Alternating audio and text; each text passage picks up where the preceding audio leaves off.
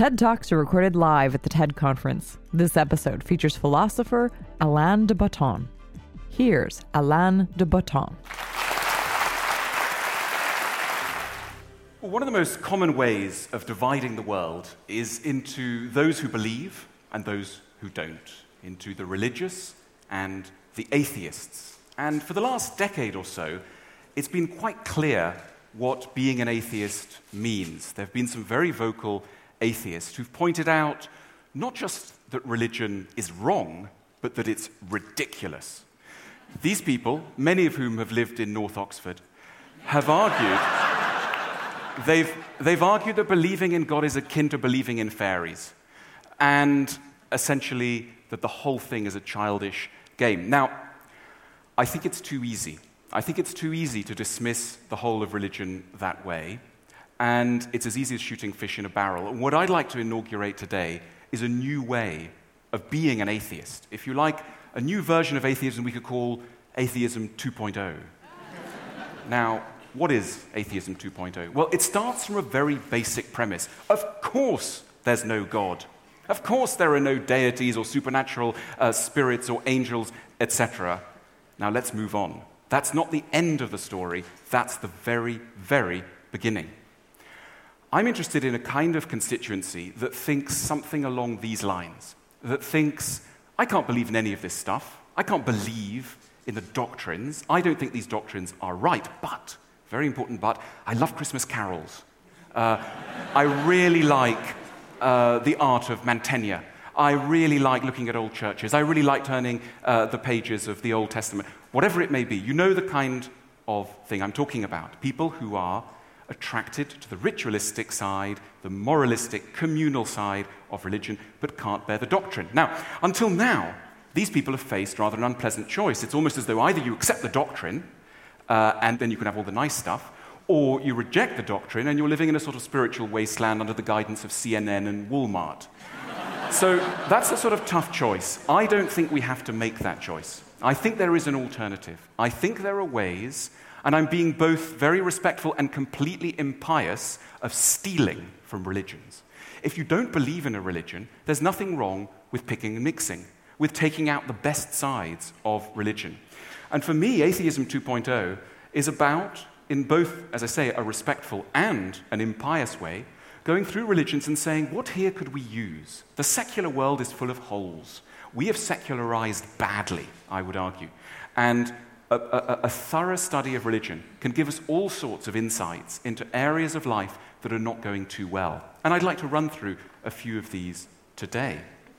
I'd like to kick off by looking at education. Now, education is a field that the secular world really believes in. You know, when we think about how we're going to make the world a better place, we think education. That's where we put a lot of money. Education is going to give us not only commercial skills, industrial skills, it's also going to make us better people. You know, the kind of thing at commencement addresses and graduation ceremonies, those lyrical claims that education, the process of education, particularly higher education, will make us into nobler and better human beings. That's a lovely idea. It's interesting where it came from. You know, in the early 19th century, church attendance in Western Europe started sliding down very, very sharply, and people panicked. They asked themselves the following question They said, Where are people going to find morality? Where are they going to find guidance? And where are they going to find sources of consolation? And influential voices came up with one answer. They said, Culture. It's to culture that we should look for guidance, for consolation, for morality. Let's look to the plays of Shakespeare, the dialogues of Plato, the novels of Jane Austen. In there, we'll find a lot of the truths that we might previously have found in the Gospel of St. John. Now, I think that's a very beautiful idea and a very true idea. They wanted to replace scripture with culture, and that's a very plausible idea. It's also an idea that we have forgotten. You know, if you went to a top university, let's say you went to Harvard or Oxford or Cambridge, and you said, you know, I've come here because I'm in search of morality, guidance, and consolation. I want to know how to live. They would show you the way to the insane asylum. This is simply not what our grandest and best institutes of higher learning are in the business of. Why? They don't think we need it. They don't think we are in urgent need of assistance. They see us as adults, rational adults. What we need is information, we need data, we don't need help. Now, religions start from a very different place indeed. All religions, all major religions at various points call us children. And like children, they believe that we are in severe need of assistance. We're only just holding it together. And perhaps this is just me, maybe you. But anyway, we're only just holding it together. And we need help. Of course, we need help. And so we need guidance and we need didactic learning.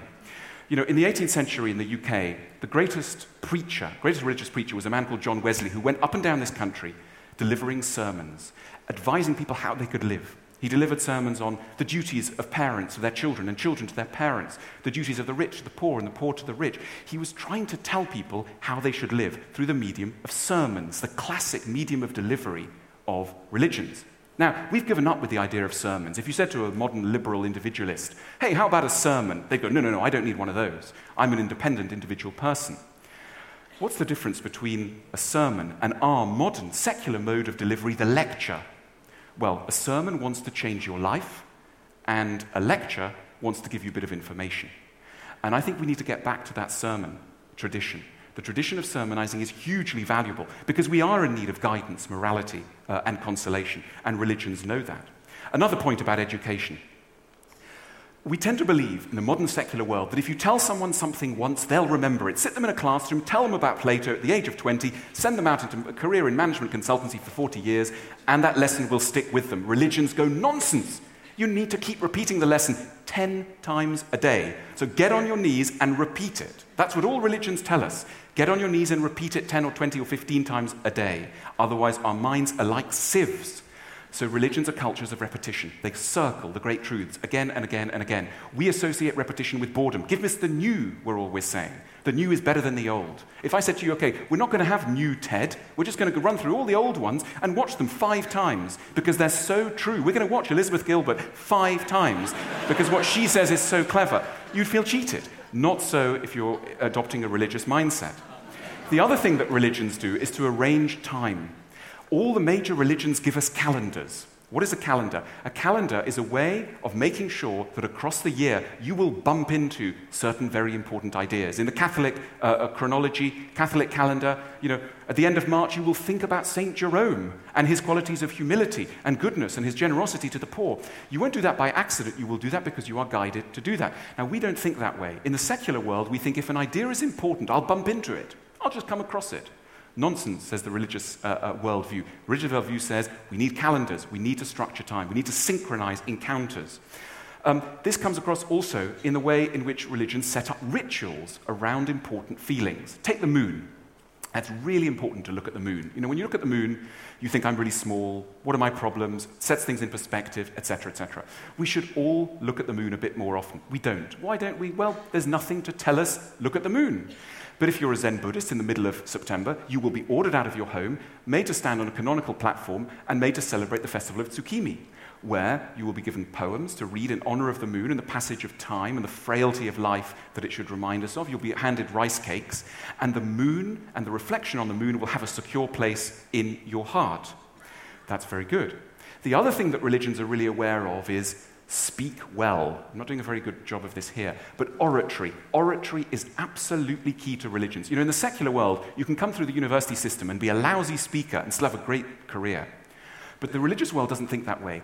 What you're saying needs to be backed up by a really convincing way of saying it. So if you go to an African American Pentecostalist church in the American South, and you listen to how they talk, my goodness, they talk well. You know, after every convincing point, people will go, Amen, Amen, Amen. You know, at the end of a really rousing paragraph, they'll all stand up and they'll go, Thank you, Jesus, thank you, Christ, thank you, Savior. You know, if we were doing it like they do it, let's not do it, but if we were to do it, you know, I would tell you something like, culture should replace scripture, and you would go, Amen, Amen, Amen. And at the end of my talk, you would all stand up and you would go, Thank you, Plato, thank you, Shakespeare, thank you, Jane Austen. And we'd know that we had a real rhythm going. All right, all right, we're getting there, we're getting there. The other thing that religions know is we're not just brains, we are also bodies. And when they teach us a lesson, they do it via the body. So, um, for example, take the Jewish uh, idea of forgiveness. Jews are very interested in forgiveness and how we should start anew and start afresh. They don't just deliver us sermons on this, they don't just give us books or words about it, they tell us to have a bath. So, in Orthodox Jewish communities, every Friday you go to a mikveh. You immerse yourself in the water, and a physical action backs up a philosophical idea. We don't tend to do that. Our ideas are in one area, and our behavior with our bodies are another. Religions are fascinating in the way they try and combine the two. Let's look at art now. Now, art is something that in the secular world we think very highly of. We think art is really, really important. A lot of our surplus wealth goes towards museums, etc. We sometimes hear it said that museums are our new cathedrals or our new churches. You've heard that saying. Um, now, I think that the potential is there, but we've completely let ourselves down. And the reason we've let ourselves down is that we're not properly studying how religions handle art. You know, there are two really bad ideas that are hovering in the modern world that inhibit our capacity to draw strength from art. The first idea is that art should be for art's sake, a ridiculous idea. An idea that art should live in a hermetic bubble and should not try and do anything with this troubled world. I couldn't disagree more. The other thing that we believe is that art shouldn't explain itself. That artists shouldn't say what they're up to, because if they said it, it might destroy the spell and we might, be, um, you know, we might find it too easy. That's why a very common feeling when you're in a museum, let's admit it, is I don't know what this is about. But if we're serious people, we don't admit to that. But that feeling of puzzlement is structural to contemporary art. Now, religions have a much saner attitude to art. They have no trouble telling us what art is about. Art is about two things in all the major faiths. Firstly, it's trying to remind you of what there is to love. And secondly, it's trying to remind you of what there is to fear and to hate.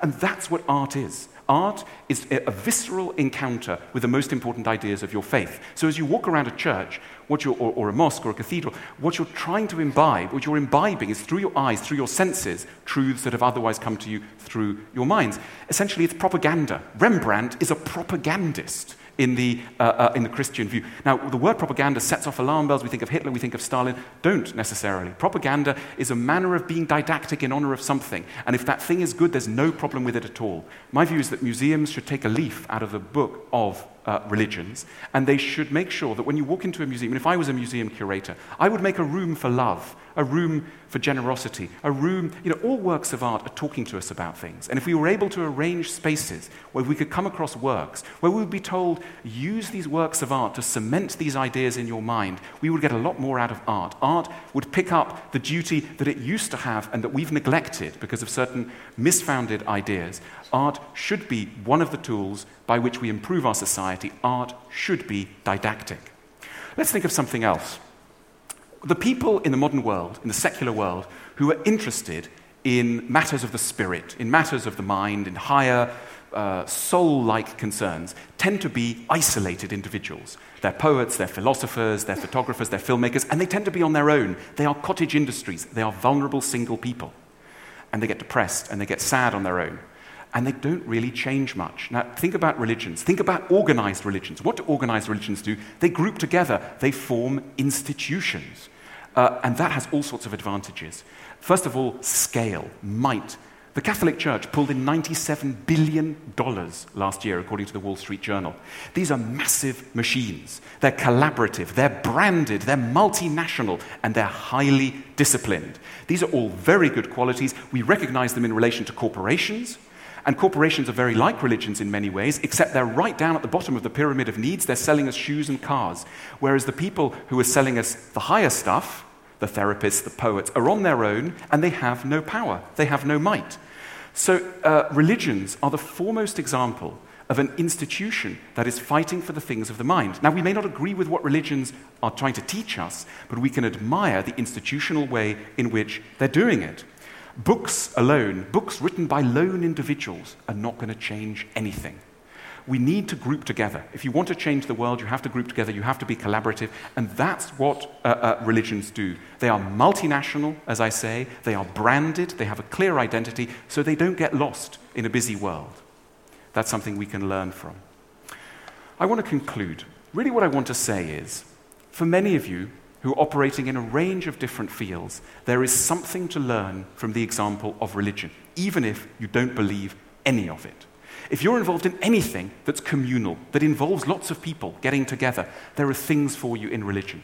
If you're involved, say, in the travel industry, in any way, look at pilgrimage. Look very closely at pilgrimage. We haven't begun to scratch the surface of what travel could be because we haven't looked at what religions do with travel. If you're in the art world, look at the example of what religions are doing with art. And uh, if you're an educator in any way, Again, look at how religions are spreading ideas. You may not agree with the ideas, but my goodness, they're highly effective mechanisms for doing so. So, really, my concluding point is you may not agree with religion, but at the end of the day, religions are so subtle, so complicated, so intelligent in many ways that they're not fit to be abandoned to the religious alone. They're for all of us. Thank you very much.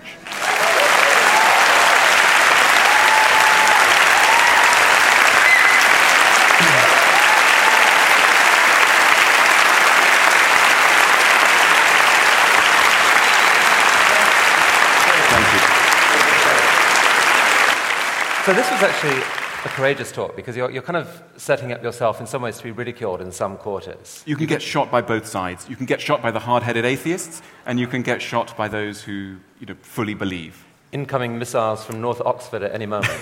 Indeed. Um, I'm sure of this.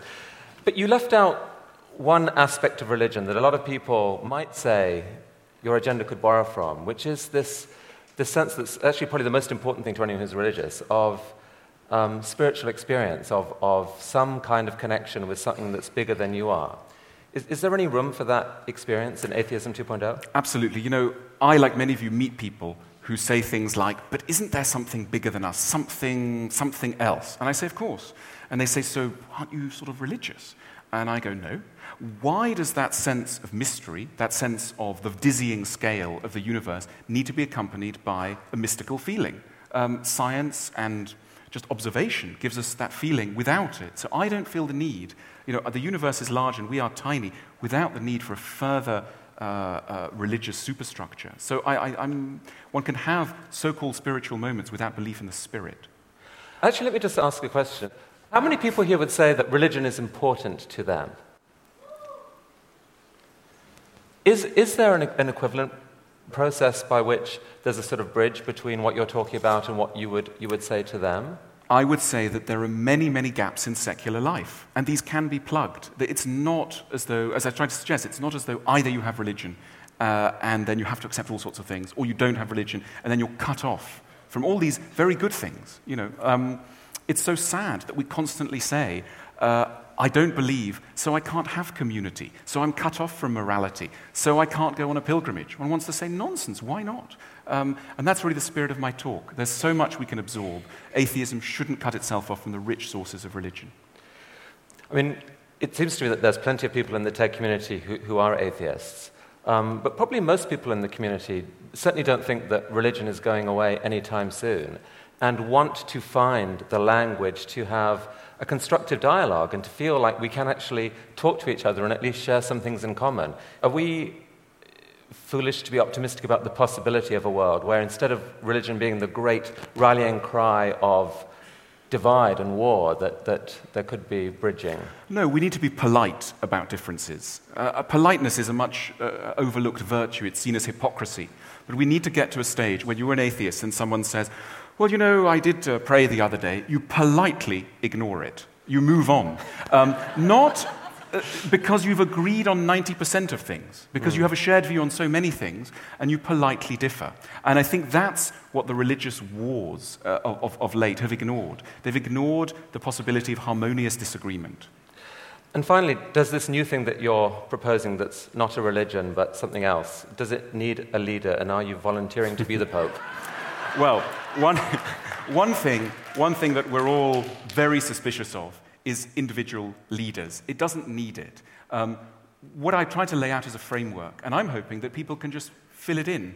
Fill in. I've sketched a sort of broad framework. But wherever you are, as I say, if you're in the travel industry, do that travel bit. If you're in the communal industry, look at religion and do the communal bit. So it's a, it's a, a wiki project. Alain, thank you for sparking thank you so much. amazing thank conversation. So thank you.